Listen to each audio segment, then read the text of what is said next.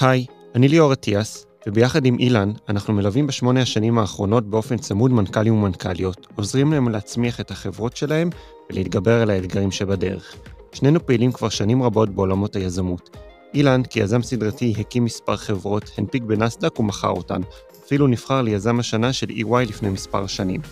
אני, ב-15 השנים האחרונות, פעיל באקוסיסטם היזמי, כמנכ"ל וכמנטור, ויצא לי לעבוד עם עשרות יזמים בשלבים שונים. מטרת הפודקאסט היא לתת למנכ"לים ולמנכ"ליות כלים פרקטיים שקשורים הן לפן האסטרטגי והן לעבודה היומיומית שלהם. אנחנו ניגע בנקודות שחשובות בניהול החברות, שלא שמים עליהן מספיק דגש, שנתפסות לעיתים כטריוויאליות, ואף בכאלה שבכלל לא ידעתם שקיימות. או בקיצור, לעזור להפוך אתכם ואת החברות שלכם לטובים יותר. שלום, בוקר טוב, רן ריבנזפט. בוקר טוב, ליאור, מה שלומך? בסדר, בוקר טוב בפעם השנייה, כי בפעם הקודמת ההקלטה שלנו יצאה לא טוב, אז נפגשנו כמה שבועות אחרי לעשות תיקון, כי הפרק הזה חשוב. זה נחמד, עכשיו אה, יהיה לנו את כל האינסייטים מהפרק הקודם, זה יצא יותר טוב. אני מאוד מקווה. אה, אז רן, בוא תספר על עצמך בכמה מילים. אז קוראים לי רן ריבנזפט, אה, אני בן 32, נשוי לנטע, אבא לשני ילדים חמודים וקטנים שמשאירים אותי ער בלילה. אה, ברקע שלי אני מהנדס, אה, מתקופת הצבא, הייתי ב-8-1 רוב השנים, וגם קצת ב-8200, אז יצא לי... גם וגם. גם וגם, אני כזה... גם אה, חיל הים וגם חיל האוויר ביחד. לא ידעתי שזה מותר. מותר, מותר. התחלתי שם מתפקידי פיתוח, וראש צוות, וראש מדור, ופרויקטור, באמת יחסית שירות מגוון, הייתי שם סך הכל שמונה שנים.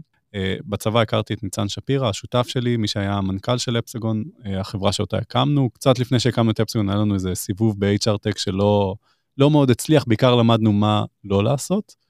אה, ואז עם ניצן הקמנו את אפסגון, שבאמת תוך uh, כמעט ארבע שנים הגענו למיליוני דולרים במכירות, היינו איזה 80 עובדים בארץ ובארצות הברית.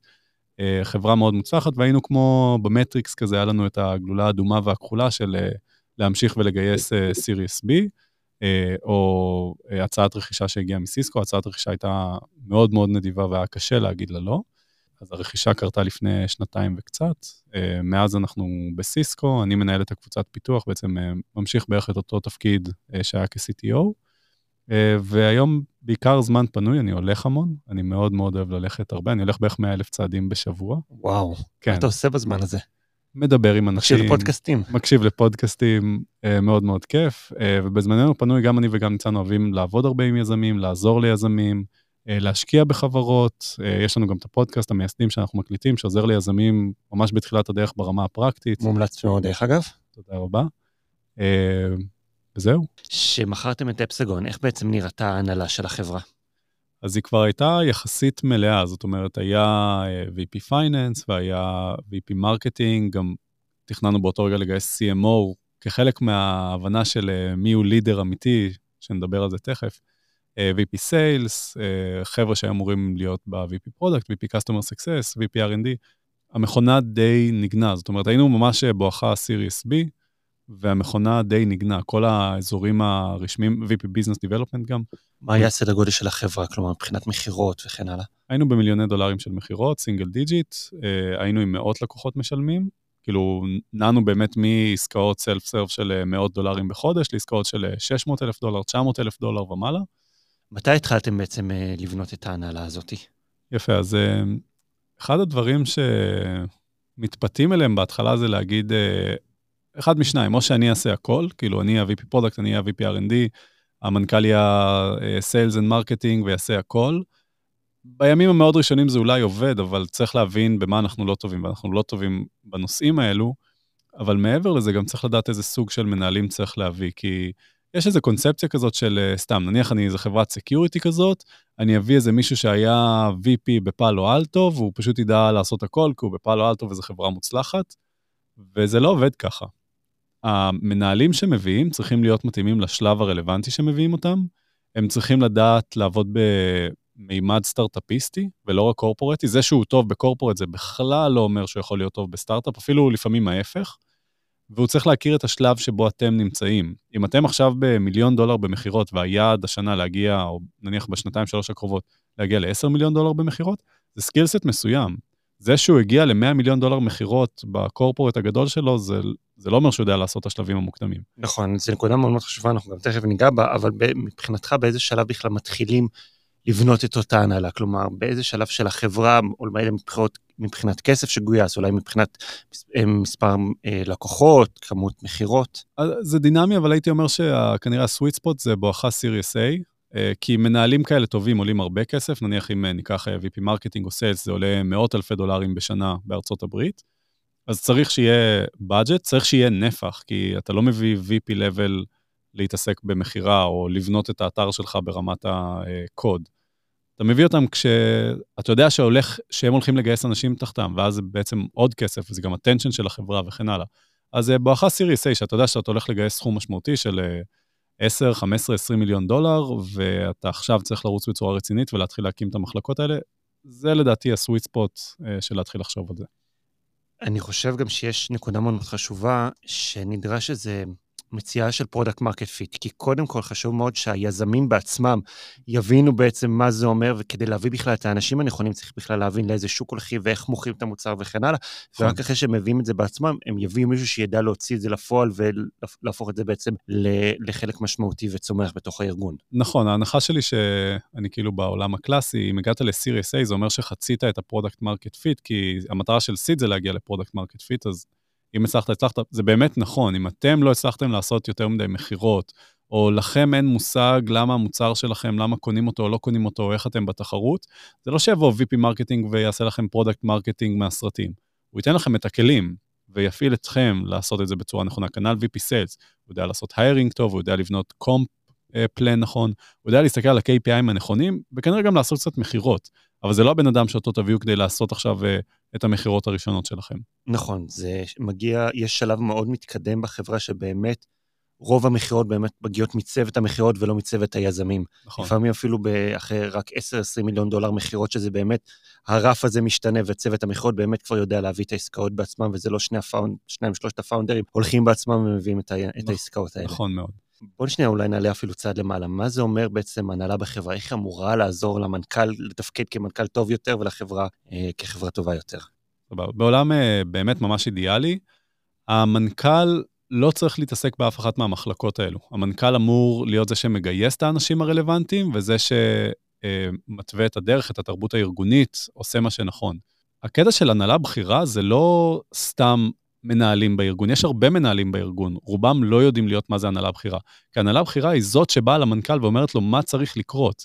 אני צריך לגייס עכשיו X אה, אנשי מכירות, ואני צריך שיהיה להם SDRים, אני צריך את זה בריישיו של 2 ל-1, אני הולך לבנות להם קווטה כזה, אני הולך להסתכל על ה-KPIים הבאים, אני הולך להביא את החברה ליעד הבא.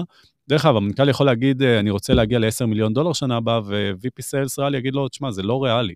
זה, אנחנו נוכל להגיע לשש, גם אם נתאמץ, וזה התקציב שצריך. זאת אומרת, הנהלה בכירה היא מעבר לנהל את היום-יום, זה לחשוב מאוד אסטרטגית קדימה, זה להיות מאוד מעורב במה שקורה בחברה, וזה הרבה פעמים להיות גם מעורב בדברים שלא הם בהכרח מתעסקים בהם. אני אתן דוגמה. אה, ה-VP Sales אצלנו היה אחלה VP Sales, באמת, הביא אותנו למיליון דולר הראשונים, אבל שמנו לב שיש דברים שלא עובדים. זאת אומרת, אה, למשל, אה, ה-conversion משיחה ראשונה ל-POC היה מאוד מאוד נמוך. עכשיו, אתה מצפה ממישהו שהוא אקזקיוטיב לידר, קודם כל לדעת שיש בעיות כאלו, כי בחברה הקודמת שהוא היה, זו הייתה חברה גדולה, ודברים ניגנו טוב, ולא לא היה בעיה של messaging או positioning, או דברים עבדו, כאילו הוא ידע למכור את זה. ופה בעצם הייתה בעיה שאני לא מאשים אותו בבעיה, אבל הוא צריך להיות accountable לבעיה הזאת ביחד עם ה-product וביחד עם ה-marketing, ולשבת ביחד ולהבין למה זה לא עובד טוב. לא יכול להיות שהמנכ"ל או אני צריכים לבוא ולהבין למה מ-100 שיחות רק 10 שיחות המשיכו הלאה והתקדמו ל-POC ים? איפה כל ה-90? מה קרה? למה זה לא עבר? אני רוצה ניתוח מאוד מדויק, וכאילו מבחינתו זה, אוקיי, אם זה ככה, כנראה שזה המצב. אז, Executive Leader זה באמת uh, סוג של מיני uh, co-founder שמתעסק בכל מה שצריך, והוא אוטוריטה בתחומו, והוא יודע להבנות את המחלקה שלו בצורה אה, אוטו, אוטונומית לחלוטין. אני מאוד מסכים לזה. כלומר, כל חבר הנהלה צריך להיות הכי טוב ולהבין הרבה יותר מכל אחד אחר, כולל המנכ"ל והפאונדרים בתחום שלו. הוא זה שצריך לבוא ולהגיד למנכ"ל, ככה וככה זה צריך להיות בנוי בחברה, כי אתם חברה שפונה לשוק הזה וצריכה לעבוד בשוק הזה. כלומר, הוא לא זה ש... המנכ"ל לא זה שצריך ללמד אותו, הוא זה שצריך ללמד בדיוק. את המנכ"ל. ואני אגיד הפוך, אם המנכ"ל מלמד את ה-VP Sales איך למכור, לא במובן הטכני של מה להגיד, אלא מה טכניקת המכירה או איך הם מגייסים, אז משהו לא עובד טוב. בעצם איזה חבר הנהלה לדעתך צריך להביא ראשון? זה מאוד מאוד מאוד משתנה.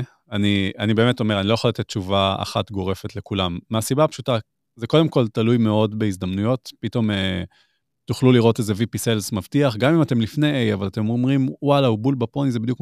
אז אוקיי, אז בואו נביא VP Sales עכשיו, למרות שלא תכננו.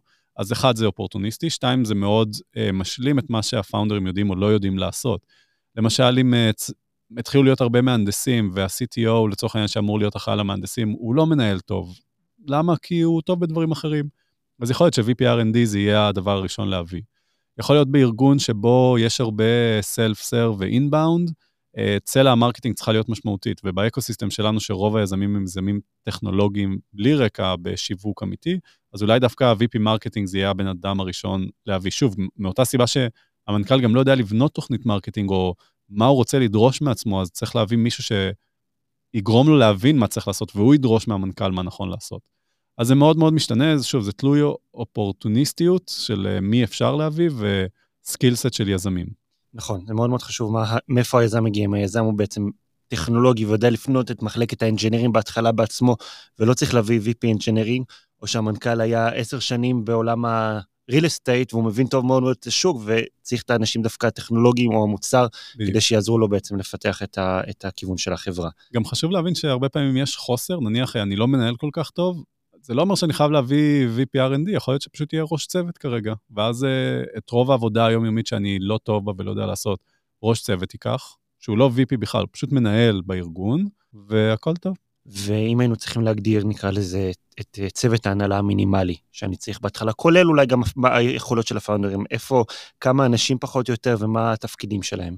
אז uh, אני חושב בצלע היותר uh, טכנית, טכנולוגית, זה VP R&D ו-VP Product. Uh, הם עוזרים, uh, בעצם VP Product הוא הקבלן המבצע, יש לו את האנשים, הם דואגים להביא את המוצר שרוצים, ב-quality שצריך וכן הלאה. ה-VP Product שבעצם אומר מה צריך לבנות, הוא התקשורת מול הלקוחות, מנסה להבין אה, אסטרטגית, איפה ממוקמים וכן הלאה. marketing, אה, שזה גם צלע חשובה מאוד, שוב, בהינתן מה אתם עושים, top down, bottom up, יותר outbound, יותר inbound וכן הלאה, גם מאוד משמעותי, ו- VP sales. לדעתי, אם אני אסתכל רגע על ה-basic, אני גם מקביל את זה למגרש כדורגל, שוער, בלמים, קשרים וחלוצים, זה ממש כמו שאמרתי, הטכנולוגיה זה השוער, הבלמים זה ה-product, הקשרים זה ה-marketing, ש-literally זה הקישור בין ה-product למכירות, והמכירות מבקיעים בסוף את הגול. אז... הגדרה מאוד יפה. כן, אני אוהב להשתמש בזה, כי הרבה פעמים יזמים אומרים, אה, אבל היה לנו מוצר הרבה יותר טוב. אוקיי, אני אומר, קבוצת כדורגל יכולה לעלות למגרש בלי חלוצים ובלי קשרים? כאילו, גם אם יש להם הגנה, חבל על הזמן. התשובה היא כמובן לא.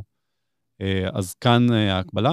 כמובן שיש עוד הרבה אנשים שיכולים להיות מנהלים בכירים, מ-VP Customer Success ל-VP BizDev, ל-COO גם לצורך העניין, כאילו VP Operations, יש עוד הרבה... אבל הם אלה שהרבה פעמים תומכים מסביב. נכון.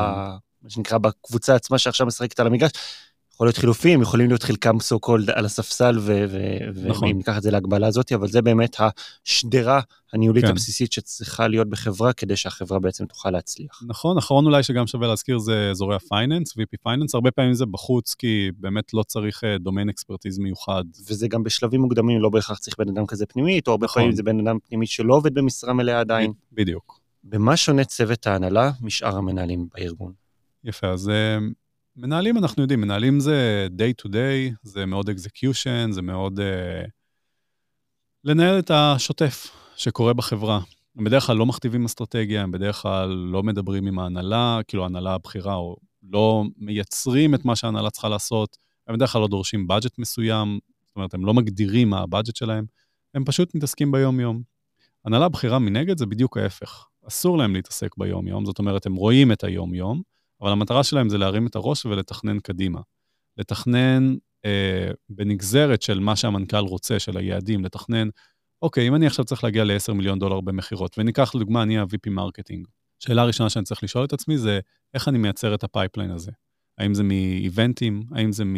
לא יודע, קמפיינים אונליין אה, אדס? האם אני עושה call for papers? האם אני עושה, לא יודע מה, uh, צבא של SDR ים שפונה outbound? האם אני עושה ABM קמפיין? אני יכול לזרוק עוד הרבה דברים, אבל זה הרבה דברים שמנכ"ל לא בהכרח חושב עליהם, לא יודע ליישם אותם, וגם לא תמיד יודע איך נכון להגדיר אותם. כאילו, מה שאני אגדיר כ-ABM קמפיין, מישהו יגדיר כמשהו אחר. אז uh, הסדרת הנהלה הזאת צריכה, first and foremost, להסתכל אסטרטגית קדימה. דבר שני, כמו שאמרתי מקודם, היא צריכה להיות מעורבת בכל מה שקורה בחברה, מול הבורד, מול שאר ההנהלה, מול הבעיות הקשות שבחברה. זה לא כאילו, אה, הם לא צריכים להסתכל על זה כאילו אני VP marketing, ואם יש צרות ב sales אז אחלה, אז אה, אולי אני אקודם והוא לא כי הוא נתפס פחות טוב, אלא הפוך, אם VP sales לא מצליח, גם אני בתור VP marketing לא מצליח. יש את המילה שאין לה תחליף בעברית של accountability. ממש. שזה, אם ננסה לתרגם אותה בעברית, זה עליי. בדיוק. כלומר, אני לוקח נושא מסוים ואני מטפל בו והוא באחריות שלי, וגם אם יש נושאים שקשורים למחלקות אחרות, אני מוביל את הטיפול בנושא הזה ולוקח את הדברים... אה, זו מילה שניצן ואני ממש ממש אוהבים, ובאמת אין לה איזה מקבילה בעברית. אני קורא לזה... אולי. יש סיבה שאין לזה מקבילה בעברית. יכול להיות. אצלנו זה תרבות האל תדאג אח שלי. יהיה בסדר. יהיה בסדר, בדיוק. וזה אחד מהערכים שמאוד מאוד חשוב uh, לאקזקיוטיב לידר. נקודה אחרונה זה שבאמת הוא צריך להיות מקצוען בתחומו. הוא צריך להיות uh, בן אדם שלא רק... Uh, אני אלך רגע, נקפוץ רגע לאזור ה engineering, שאני מרגיש אולי קצת יותר בנוח. ראש צוות של אה, פיתוח מובייל, יכול להיות שהוא ממש טוב במובייל. VP R&D לא בהכרח צריך להיות הכי טוב במובייל, אבל הוא צריך להיות איש שמבין איך R&D עובד, שמבין... שרואה את התמונה הגדולה. בדיוק, שיודע לראות את התמונה הגדולה, שיודע לראות איך מובייל מתקשר עם Backend, מתקשר עם front-end אחר, איך לבנות את זה עם database נכון, מתי אני צריך להביא ארכיטקט, מה זה להביא DevOps. מבין בעצם את העולם תוכן הזה מאוד מאוד טוב. שוב, לא לעומק כמו שראש צוות יודע, אבל לעשות את ה-overarching לכל הארגון כולו ולדעת איך לבנות אותו, מי לשים איפה, מה לעשות. ונגעת פה בנקודה חשובה. יש בעצם, שאנחנו מנסים להבדיל בין צוות ההנהלה לבין שאר המנהלים בארגון. אפילו בואו ניקח דוגמה, יש סטארט-אפ, הוא כבר עד שנתיים-שלוש, יש לי עובד אה, שהגיע מספר שלוש בחברה, הוא היה מפתח מובייל לצורך העניין, כמו שנתת את הדוגמה, הוא באמת פיתח את האפליקציה הכי טובה שאפשר, מדהים. ו- וגרמה לאין סוף לקוחות אה, לקחת ולהשתמש ולחזור, ובאמת היה מושלם. אבל זה לא בן אדם שאני בהכרח יכול לקדם אותו, או צריך אפילו לקדם אותו לפן ניהולי, אה, או נקרא לזה לפן של ההנהלה הבכירה, משתי סיבות מרכזיות. פעם אחת, לא בטוח שהוא מתאים, לא בטוח שהוא ידע לתת לחברה את מה שהוא נתן לחברה בתור ה... אותו מפתח ויכול אולי לעלות לרמת ראש צוות, דירקטור וכן הלאה, אבל לא בטוח שהוא יתאים להנהלה הבכירה. נכון. ב', פעם שנייה, ברגע שאתה מוציא אותו מהמקום שהוא היה בו כל כך טוב, אתה גם יוצא... נוצר חור. בדיוק. אז יש פה, הרבה פעמים אני רואה בחברות שהם, יש את האנשים הראשונים שהתחילו איתם, שרצו איתם בשוחות כן. ו- ונלחמו ביחד איתם. והמנכ"לים, הפאונדרים מרגישים הרבה פעמים סוג של חובה כלשהי עבורם. אז כן, אפשר כאילו... לתגמל אותם בכל מיני צורות אחרות, לקחת אותם להיות חברי הנהלה, זה לא בהכרח לא מתגמל לא אתכם ולא אותם. זהו, אז באמת, אה, מה שנקרא individual contributors, יכולים להיות פנומנליים. זה לא אומר שהם מנהלים טובים, וזה לרוב אומר שהם לא executive leadership טוב, כי בסוף אי אפשר להיות גם וגם. אתה לא יכול להיות גם האסטרטג המצביא דגול וגם אה, אכילס הלוחם הכי טוב שיש בשדה הקרב. מאוד קשה למצוא את זה. והאסטרטגיה הנכונה, א' כל לתגמל אותם ברמת ה... לתת להם את המקום, לתת להם את ה-recognition, לעשות את הדברים שהם רוצים. הרבה פעמים אולי, אה, אם הוא מהנדס מובייל ממש טוב, אבל ממש אוהב לעבוד עם לקוחות, אז להגיד לו, אחלה, בוא, אתה גם הארכיטקט, אבל אתה גם עובד מול הלקוחות, אתה תוביל את התקשורת עם הלקוחות. בנוסף לזה, אפשר גם לדבר על אה, תגמול שוק compensation. אנחנו לא רואים אותך בתור אה, VP מובייל, כי גם אין קונספט אה, כזה, אבל בוא ניתן לך עוד equity, כי ה impact שלך לחברה הוא מאוד מאוד משמעותי. אפשר גם לתת title, אה, לצורך העניין, אה, עזבו רגע, Head of, לא Head of, לא משנה, אפשר לקרוא לו Director of, uh, לא יודע, Solution Architect, משהו שהוא מישהו אמר לי פעם שטייטל זה הדבר הכי זול שאפשר לתת לאנשים, כי זה, זה לא עולה כסף. זה לא מחייב יותר מדי, כל עוד זה לא VP או... בדיוק, או C-Level. אז אפשר גם לתת טייטל, ושוב, יותר חשוב שהבן אדם ירגיש שיש לו את האימפקט, כי הרבה אנשים חושבים שהאימפקט בא עם הטייטל, וזה להפך, עם האימפקט, אתם תשיגו את הטייטל, ולא עם הטייטל אתם תשיגו את האימפקט. זה אני מסכים לחלוטין. אוקיי, אז הבנו שהוא לא מתאים. איך אני בכל זאת מגייס את, ה, את ההנהלה הבכירה לחברה שלי? כלומר, אני הייתי ראש צוות נגיד בחברה קודמת, ועכשיו יש לי את החברה, גייסתי כבר את הכסף מהמשקיעים, אבל אני אף פעם לא באמת גייסתי הנהלה בכירה. איך, איך זה כן. נראה? אז אה, נדבר על שתי רמות. אחד, ברמה הטכנית, איך אני עושה sourcing לאנשים כאלו, איך אני בכלל מוצא את ה-VP marketing, כי אין לי מושג, ואז החלק השני זה בכלל איך אני מראיין אותו, כי אם, אה, אם אני לא מבין ב marketing ואין לי VP marketing, אז אני גם לא יודע, אין לי מישהו שראיין VP marketing, אני, אני לא יודע מה לשאול. מה, איך אתה עושה שיווק אח שלי? הוא יגיד לי, יהיה בסדר, ואז אני אקבל כן, אותו. לא, אצל האמריקאים הבעיה הפוכה, הם מוכרים את עצמם כל כך טוב, שנורא נכון. קשה להגיד מי באמת טוב ומי לא. נכון. אז נתחיל רגע עם החלק הראשון. את החלק של ה sourcing, אז יש אזורים שיותר קל. למשל, לגייס VP R&D, בארץ לרוב זה יותר קל אם אנחנו שני חבר'ה טכנולוגיים שיצאו מאיזו יחידה טכנולוגית, ה ecosystem מאוד קרוב, אפשר לעשות אה, outreach ולהשיג כנראה אנשים טובים, כנראה שגם ב product אה, יש אחלה אנשים בארץ. הבעיה מתחילה בנניח חברה שרוצה שה commercial team שלה יהיה בארצות הברית. אה, לי ולשותף שלי אין ניסיון בארצות הברית, לא ברמת ה culture ובטח שאנחנו לא גם שם. השאלה איך אני בכלל מגייס VP marketing, כי אין לי, אין לי networking, זה לא שאני איזה בוגר הרווארד או MIT שחצי מהחברים שלי בתפקידים האלו. פה כדאי מאוד להיעזר בסוכנות גיוס. סוכנות גיוס ממוקדת ל executive, זאת אומרת, בדיוק כמו שאמרנו שיש הבדל בין executive ל-yet another מנהל בארגון, או פשוט individual contributor, גם פה יש הבדל בין חברת השמה, חברת גיוס, שיודעת לגייס אקזקיוטיב, שיודעת למצוא את הרלוונטים, לדבר אליהם בשפה שהם מחפשים, למצוא להם את ההזדמנות שהיא רלוונטית אליהם. אז חשוב למצוא uh, חברה כזאת. גיוס כזה כנראה הולך לעלות עם חברת השמה, בוא נגיד, החל מ-50 אלף דולר, וזה גם מגיע ל-100 או 150 אלף דולר, תלוי בכמה בכיר, באיזה תפקיד, כמה הוא יעלה לכם וכן הלאה. אבל חשוב לשלם את זה, כי שוב, uh, זמן עולה יותר מכסף, ואם חברה כזאת יודעת להשיג לכם גיוס מאוד מאוד איכותי בשלושה חודשים ולא בתשעה חודשים, זה פקטור מאוד מאוד משמעותי לחברה. אז זה בפן, נקרא לזה יבש, איך אני משיג אה, בכלל אנשים שאני יכול לראיין.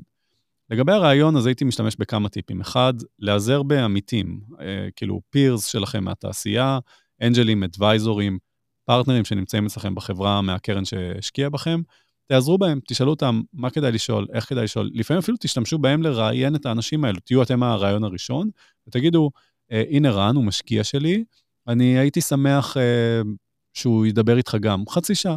ובאמת... בסופו של דבר, זה, גם הצד השני אמור להבין, זה תפקיד מאוד בכיר בדיוק. בחברה. זה הגיוני שמביאים עוד אנשים מבחוץ שמעורבים בחברה. בדיוק, זה אפילו מצופה, ואפילו זה גם נותן לכם יותר נקודות בונוס, שתגידו, הנה הפרטנר שלי מקרן ככה וככה, הוא היה שמח גם להכיר אותך, כי זה חשוב לו, רוצה לדעת ש... אז יש פה איזשהו אינטרס כפול, כי, או אפילו משולש, כי כולם רוצים שהחברה תצליח בסופו של דבר, אם זה קורה, ולכולם חשוב לדעת שיש עוד assurance של עוד מישהו שהשקיע בחברה, שיש לו את מבטחו בחברה. זה ברמה הזאת. ברמה השנייה, אחרי שאתם קצת מבינים מה לשאול ושאלתם אנשים, אחד התרגילים שאני אוהב לתת ל executive leadership, אה, למשל ל-VP marketing, אני לא אתן לו עכשיו אה, בוא תבנה לי אתר או בוא תעשה פרויקט בית, אני אתן לו פרויקט של, אה, הנה החברה שלנו, הנה הסטייט שלה, הנה האתגרים שלנו לשנה הקרובה והנה היעדים שלנו. בוא תעשה לי הצגה של, אמריקאים אוהבים לקרוא לזה 30, 60, 90, 30 יום ראשונים, 60, 90, בעצם כל חודש, מה אתה היית עושה בחברה? לצורך העניין, מחר הגעת, מה היית עושה בחברה? עכשיו, זה מאוד מאוד open-ended, מאוד, אתם תראו תוצאות. אין פה תשובה נכונה, זה חשוב בדיוק, להגיד. בדיוק, כן? זה יותר להבין קו מחשבה. בדיוק.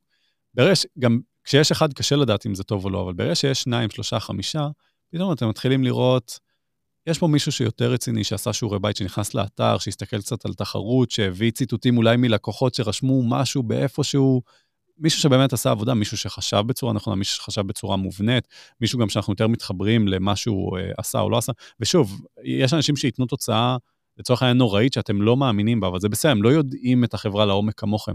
אבל התהליך מחשבה שלהם היה מאוד מאוד נכון ומאוד מאוד רלוונטי, ושוב, ברגע שכמה כאלו עושים את זה, ביחד עם שיחה עם איזה פרטנר או אנג'ל או אדוויזור, ביחד תוכלו להרכיב תמונה אחרי שאתם מראיינים שלושה ארבעה כאלו, למי המועמד המוביל והרלוונטי.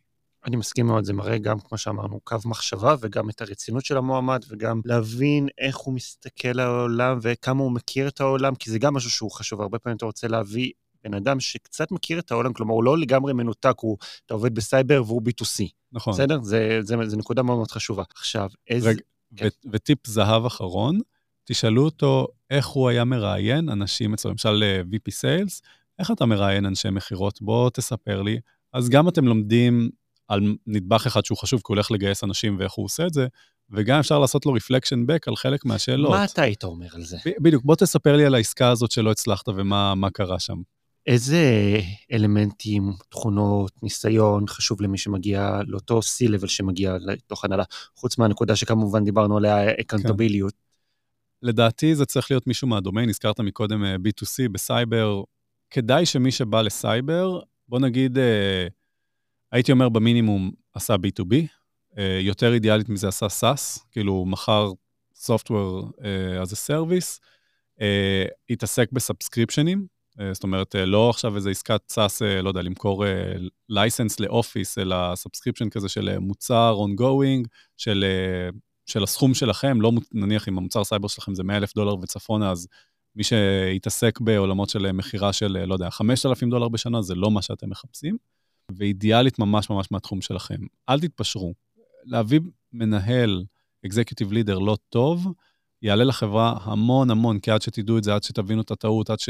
זה יכול לקחת גם שנה וחצי, ושוב, זמן שווה יותר מכסף. יש לי דוגמה מאוד טובה. יש לי חברת פינטק שאני עובד איתה, שהייתה מאוד קרובה להביא, פינטק בעולם ההלוואות לצורך העניין, הייתה קרובה מאוד להביא מישהו בכיר מג'יי פי מורגן, שעסק בתחום הזה, והיה דרגה מאוד בכירה בעולמות האלה. עכשיו, מצד אחד, הוא דמות מאוד בכירה, והכיר המון אנשים, ובאמת, ג'יי פי מורגן, שם גדול, אבל הוא אף פעם לא עבד בסטארט-אפ. הוא לא מבין את המהות ואת נכון. המשמעות היומיומית של מה זה לעבוד בסטארט-אפ, וזה היה יכול להיות מה שנקרא תאונת רכבת מאוד מאוד קשה. מאוד, מאוד מאוד. אה, חווינו את זה על בשרנו, כמו שסיפרתי עם ה-VP Sales שהיה. אז באמת, אחד זה לבוא מהדומיין שלכם כמה שיותר קרוב יותר טוב, השני זה לבוא מה... stage, אני קורא לזה ה stage שלכם פלוס אחד. אה, למשל, אתם רוצים להגיע מ-1 ל-10, הייתם רוצים שיש מישהו שעבר את זה בקצת יותר מכזה, נניח 5 עד 20, 10 עד 30. לא להביא את ה-100 עד 500, אה, ולא להביא מישהו שגם לא עבר את השלב הזה. אל תביאו מישהו שאין לו מושג, מישהו שכל מה שהוא עשה זה למכור מוצר אחד ב-100 אלף דולר. אתם רוצים מישהו עם הניסיון הזה. אני חושב שעוד נקודה אבל חשובה, הרבה פעמים אתה רוצה להביא, או יהיה לך יותר קל להביא מישהו שאולי עבד בחברה קצת יותר גדולה, שכן עשה את ה-10 עד 20, אבל הוא לא היה שם חבר הנהלה, הוא היה... נכון. בכיר יחסית, והמדרגה הבאה שלו זה בעצם לעבור אליכם ולהיות החבר, אותו חבר הנהלה. נכון, זה לדעתי אידיאלי. אם אתה אומר שגם לבן אדם הזה היה ניסיון פריביוסלי בסטארט-אפ. גם אם הוא היה בשלב קצת פחות uh, מתקדם או פחות טוב, זה טוב, כי זה אומר שזה בן אדם שיודע סטארט-אפ, זה בן אדם שיודע גם קורפורט, שזה מעולה, זה בן אדם שראה את השלב של uh, קצת לפני וקצת אחרי, וזה בן אדם שמסתכל על, האתגר הזה בתור קידום אישי, וזה הכי טוב. אתה לא רוצה להביא מישהו שיורד, ב, נקרא לזה, באיכות חיים או ברמת uh, מקצועיות שלו, אלא מתקדם הלאה לשלב הבא. אז כן, זה אידיאלי. אוקיי, okay, אז כבר יש לי הנהלה, עכשיו אני צריך להבין איך אני מנהל את ההנהלה. בעצם איך קובעים פה יעדים להנהלה ו-KPI להנהלה, איך בעצם נראה התהליך הזה. אידיאלית לא אתה עושה את זה, כמו שאמרנו, אלא ההנהלה אומרת לך מה היעדים, אבל אם ניקח רגע ברצינות, כי בסוף זה מתגלגל, זה לא שפוף, פתאום יום אחד כל ההנהלה נמצאת ומתחילים לעבוד. Uh, כנראה שהדבר הכי טוב זה לחלק uh, לכל סגמנט עם כל מנהל KPI מסוימים שרלוונטיים לחברה, שוב, כי אנחנו לא מדברים על ריק, זה לא שפתאום נולדה חברה. היו לכם כבר KPI, יש משהו ongoing. ואז להתחיל לעבוד עם כל אחד מה-leadership team הזה, ולייצר להם commitment ו-accountability ל-KPI'ים האלו, ולהגיד להם גם, זה מה שהייתם רוצים לעקוב אחריו ברבעון הזה, בדרך כלל מסתכלים על זה בצורה רבעונית. אה, האם המטריקה של אה, gross retention אה, רלוונטית לך, מר Sales, מר VP Sales? יכול להיות שלא, יכול להיות שיגיד, שמע, נתת לי בכלל אתגר של New ARR. לא, לא מסתכל על retention בשלב הזה. תעביר את זה ל-product, ש-product יסתכל על retention. אז שיהיה להם accountability, ואפשר גם במקרים מסוימים לתת להם חלק מהמרכיב אה, השכר על פי ה-KPIים שהם עומדים עליהם, כדי לייצר עוד יותר accountability, לא המון, לא כמו איש מכירות שזה נניח 50-50, אלא 80-20, אולי 70-30, שיש עוד איזשהו מרכיב שאומר, אני רוצה לעמוד אחרי היעדים. ברגע שיש את היעדים האלו, כל ה-executive leadership צריך להכיר את כל המטריקות של כולם, כאילו אין מצב ש-VP Sales יגיד, אה, אין לי מושג כמה pipeline נוצר הרבעון הזה, כי הוא תלוי בזה, זה בעצם, ה... אם אין pipeline אין מכירות, אז מאוד חשוב שהוא ידע גם. חשוב רק, נקודה חשובה, צריך לוודא שכולם מכירים את ה-KPI של כולם, ולוודא שהם לא חושבים שיש KPI שמתנגשים אחד בשני. נכון, נכון, יש באמת הרבה פעמים, לא הרבה פעמים, אבל קורה שכאילו, אה, כמו שאמרנו, נניח retention ו-new ARR, נניח אם אני CRO, על מה אני שם יותר דגש? על אה, Customer Success או על מכירות כדי להגיע ליעד? אז באמת צריך להיות מאוד ממוקדים. אפשר לדבר בפרק שלם על אה, OKR ים ואיך עושים מ-top down עד לאחרון האנשים בארגון, על איזה מטריקות הם מסתכלים. אולי כדאי לתת איזה מילה וחצי על איך, אתה יודע, לא פרק שלם, 60 שניות. אז יאללה, ב-60 שניות על OKR ים. בעצם המטרה זה לא משנה כמה החברה גדלה, שיש אחידות וכולם ברור לאן הספינה הזאת נוסעת ומה היעד המרכזי של החברה. זה מתחיל מרמת המנכ"ל וההנהלה, ויורד עד לאחרון הצוותים ואחרון האנשים. אה, בעצם יש פה איזושהי עבודה של propagation אה, של מטריקות, כי אם לי חשוב נניח retention, אה, אז ב-product חשוב שיותר לקוחות יעשו upsell, וכדי שיותר לקוחות יעשו upsell, אני אסתכל על המסך billing, ויכול להיות שזה יתורגם בסוף לאיזשהו feature במסך ה-billing שיקרה ברבעון הזה. אז זה ברמת ה-level OKR ים. ברגע שיש את הדבר הזה, לנו למשל היה אקסל עם לדעתי 30-40 מטריקות של כל המחלקות גם יחד, ופעם בשבועיים היינו מסתכלים על זה, על המטריקות, איך זה יתקדם, איפה האתגר, אה, במה אפשר לעזור, איך זה משליך על הדברים האחרים, האם זה משליך על היעד של סוף הרבעון, זה שכרגע אנחנו לא עומדים בו, ופשוט עוברים עליו אה, אחת לתקופה. להבין איפה בעצם גם יש צווארי בקבוק. בדיוק, וגם דרך אגב, אותם מטריקות משוקפים בסוף ל-board, subset שלהם, וגם משוקפים לחברה עצמה, כולם מכירים את הדברים האלה. אין סיבה שזה יהיה מוסתר, כן? כי אם הולך קשה, שכולם ידעו שהולך קשה, אני יודע שצריך לדעת איך לתקשר את זה כמובן, ואם הולך טוב, כמובן שכולם ידעו שהי, אנחנו על הגל. נכון, זה חשוב מאוד, התקשורת פנימה, וגם זה יש פרק שלם בנושא הזה. איך ותוך כמה זמן מנכ"ל צריך לדעת, או יכול לדעת, שהסמנכ"ל שגייסתי לא באמת מתאים לתפקיד? וואה, שאלת אה, לא מיליון הדולר, שאלת... כן, ה... אני, באחד, גם אפרופו פרקים קודמים, באחד הפרקים הקודמים אה, נאמר פה שלא נולד הבן אדם שפוטר בזמן. נכון. אמ, אצלי אני שמעתי שאם אתה חושב לפטר את הבן אדם, אז כבר איחרת, כאילו... כבר הוא היה צריך להיות מפוטר. תראו, ל-VP level, אמרתי את זה מקודם, זה לא נניח כמו איש מכירות שאתה אומר, אה, רבעון ראשון אני עושה לו דרור, רבעון שני הוא כבר צריך לעמוד באיזה 80 אחוז, ואז הוא פשוט רץ, אז נניח תוך חצי שנה אפשר להבין אם זה עובד או לא. אצל אקזקיוטיב לידר אה, זה מאוד ongoing וזה יורכב משני פרמטרים. אחד, אה, ברמה האישית, תרבותית, תקשורתית, איך הוא, האם הוא מתחבר לשאר ה-executive leadership, האם אנחנו בתור מייסדים מצליחים לעבוד איתו טוב. Uh, שוב, זה יותר, uh, נקרא לזה soft, קשה להגיד על מישהו שהוא... Uh... נכון, זה פידבקים קצת מתוך החברה עצמה. בדיוק, מה, מה האנשים שלו חושבים עליו בתור מנהל בכיר וכן הלאה. החלק השני זה פרפורמנס. עכשיו, אני, כל מה שסיפרנו יפה על הנייר להגיע ל-KPI ושהכול מתוקתק וזה, כמות הפעמים שעשינו את זה והבנו שזה לא מספיק טוב, ועשינו רוויזיה ועוד פעם ועוד פעם, זה לוקח הרבה זמן, והרבה פעמים כאילו לא עומדים ביעד, כי היעד לא היה מספיק טוב. כאילו קשה לא להבין איפה גם נמצאת הבעיה. כלומר, אצל איש מכירות, שאותו אפרופו מחליפים הכי הרבה פעמים, נכון. אה, אולי קל יותר למדוד את היעד, אבל הרבה פעמים, במיוחד בעולמות הפרודקט אינג'ינירינג וכן הלאה, הרבה יותר קשה. נכון. אז אה, זה פשוט להסתכל לאורך זמן ולהבין אה, ביצועית, האם הארגון היה טוב, האם, כנראה שתמיד יהיו אתגרים, אבל... האם הוא עמד טוב עם האתגרים האלה, האם הוא עשה משהו עם האתגרים האלה, האם היה לו accountability על הדברים שקורים בארגון. אה, וזה מאוד בסדר שזה, שהתשובה תהיה, לא, הוא לא מספיק טוב. כי יכול להיות ש-VP R&D, שניהל 30 אנשים, עשה את זה בצורה טובה, אבל היום אתם 100, והוא לא הצליח לגדול לתפקיד הזה, וזה בסדר. הוא לא מתאים לזה. יכול להיות שצריך להביא uh, C-Level מעליו, שינהל את כל ארגון הפיתוח וה-research ולא יודע, כל מה שצריך, והוא ייקח את האחריות הזאת, ויכול להיות שצריך גם להחליף את ה-VP R&D, כי הרבה פעמים יש גם קצת עניין של אגו, אני הייתי ה-VP, לא יהיה מישהו מעליי וכן הלאה. זה בסדר, בסוף המטרה שהחברה תצליח ולא שמר VP Engineering ייהנה מתפקידו. נגעת פה בנקודה חשובה, יש קצת הבדל בין bad hiring, כלומר הבאתי מישהו ומהימים הראשונים הוא באמת, או חודשים ראשונים, הוא באמת לא טוב ולא, ולא נותן, את ה, לא נותן את הסחורה שלו כמו שצריך, לבין מצב שהחברה גדלה, כלומר מישהו שעזר לבנות את החברה מ-1 ל-10, לא בהכרח יכול לבנות את החברה עכשיו מ-10 ל-50. נכון. והרבה פעמים זה סוג של תחלופה טבעית, ואני מכיר חברות שהחליפו כמעט את כל ההנהלה ברגע שהם עברו לשלבים יותר, אה, ל, ל, כמו שאמרנו, מ-1 ל-10 לשלב של עשרות מיליונים. זה שונה.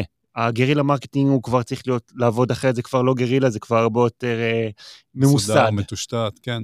אה, זה אפילו, אני אגיד, להפך, אם נשארתם עם מישהו הרבה זמן, שהוא הנהלה בכירה, אה, תעשו סוג של איפכא מסתברא, איך יכול להיות שהוא הצליח לגדול לשלב הזה? כי... יכול להיות שהבן אדם מוכשר. יכול להיות, יש כאלה, אבל לרוב הם, אה, אני מדבר הם, כאילו זה, זה קשה לגדול אה, בצורה מהירה. סטארט-אפ גדל בצורה מאוד מאוד מהירה. עכשיו, באמת יש אנשים שיכולים לעשות את זה, והרוב לא מצליחים לעשות את זה, אז תשאלו את עצמכם, איך הוא הצליח לגדול? איך יכול להיות שמישהו שכל החיים שלו ניהל עשרה אנשים בפיתוח, פתאום מסתדר חלק עם 50 איש? זה באמת, זה אתגר אה, מאוד מאוד שונה לעבוד איתו. נכון, אני מסכים לגמרי. אה, ועוד נקודה שאני רוצה לגעת בה בהקשר של ההנהלה, איך פותרים בעצם נושא של קונפליקטים בתוך ההנהלה? הרי זה משהו שקורה כל הזמן, שאנשי הפיתוח כועסים על השיווק, שמוכר מוצר לא מוכן, ואנשי כן. המכירות טוענים שהלקוח לא מרוצה מפיצ'ר שלא עובד, בעוד שאנשי המוצר אומרים שהכל בסדר. כלומר, יש פה איזו התנגשות, כולם רוצים בטובת החברה, בסדר? נשים כן. את זה כן. על השולחן, כולם רוצים בטובת החברה, וכולם רוצים לעמוד ב-KPI שלהם, אבל איך באמת אה, פותרים את החיכוכים האלה. אז, אז קודם כל זה הסטייט הסטנדרטי, צריך לדעת אה, לנהל לא אותו. לא להתרגש מזה. בדיוק, לא להתרגש, ולדעת לנהל אותו, ולא, אין לזה סוף, זה לא שתפתרו את זה וזהו, נגמר. כמו שאומרים בעידן שלנו, זבנג וגמרנו, זה לא שם.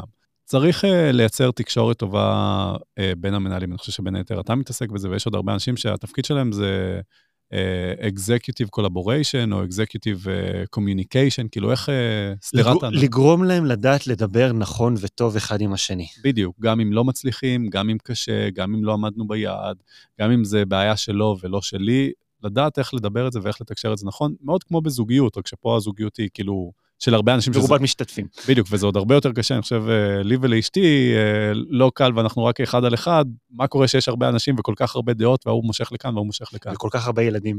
וכל כך הרבה... זהו, זה דומה עוד לילה למשפחה שלכל אחד ה... מה שהוא רוצה לעשות דומה בחופשה הזאת. דומה לכפר. כן. אה, אז באמת זה הרבה עניין של תקשורת, של פתיחות, כאילו honesty באנגלית, ממש לדעת לדבר על הדברים, לא לטאטא אותם מתחת לפני השטח, לא להגיד... טוב, לא נורא, ה-pipeline לא יסתדר, אני מקווה שאני אצליח, אלא להציף את זה בישיבת הנהלה הזאת, בפעם בשבועיים, להגיד, אני חושב שיש פה, גם אם אני לא אחראי על marketing, אני חושב שיש פה בעיה, בואו נדבר עליה רגע. זה בסדר, יש בעיה, אנחנו פה לפתור אותה, ואני אביא VP Sales שלא אמור להתעסק ב-pipeline, יעזור להבין מה קורה פה. ואם צריך, אני גם אעשה over achievement על היעדים שלי כדי לכסות עליך הפעם, כי פעם הבאה זה יהיה הפוך. נכון, אני מסכים מאוד, זה חייב להיות שיתוף פעולה ומינימום, נקרא לזה אגו כחלק נכון. מה, מההנהלה. זה אלמנט מאוד מאוד חשוב, שבסופו של דבר, כמו שאמרנו, כולם רוצים באותה מטרה משותפת. נכון. אה, רן, תודה רבה. אני מקווה שהפרק הזה יצא טוב הפעם. תכף אה, נדע. תכף נגלה. תודה לכולם. אז עד כאן הפרק. אני מקווה מאוד שנהניתם וקיבלתם ערך מהפרק הזה. אתם מוזמנים ומוזמנות לשתף אותו הלאה. ולא פחות חשוב, תרגישו חופשי לפנות אלינו בכל מחשבה, שאלה או התלבטות שיש לכם בהקשר של החברה. אנחנו מבטיחים ולנסות ולעזור. להתראות בפרק הבא.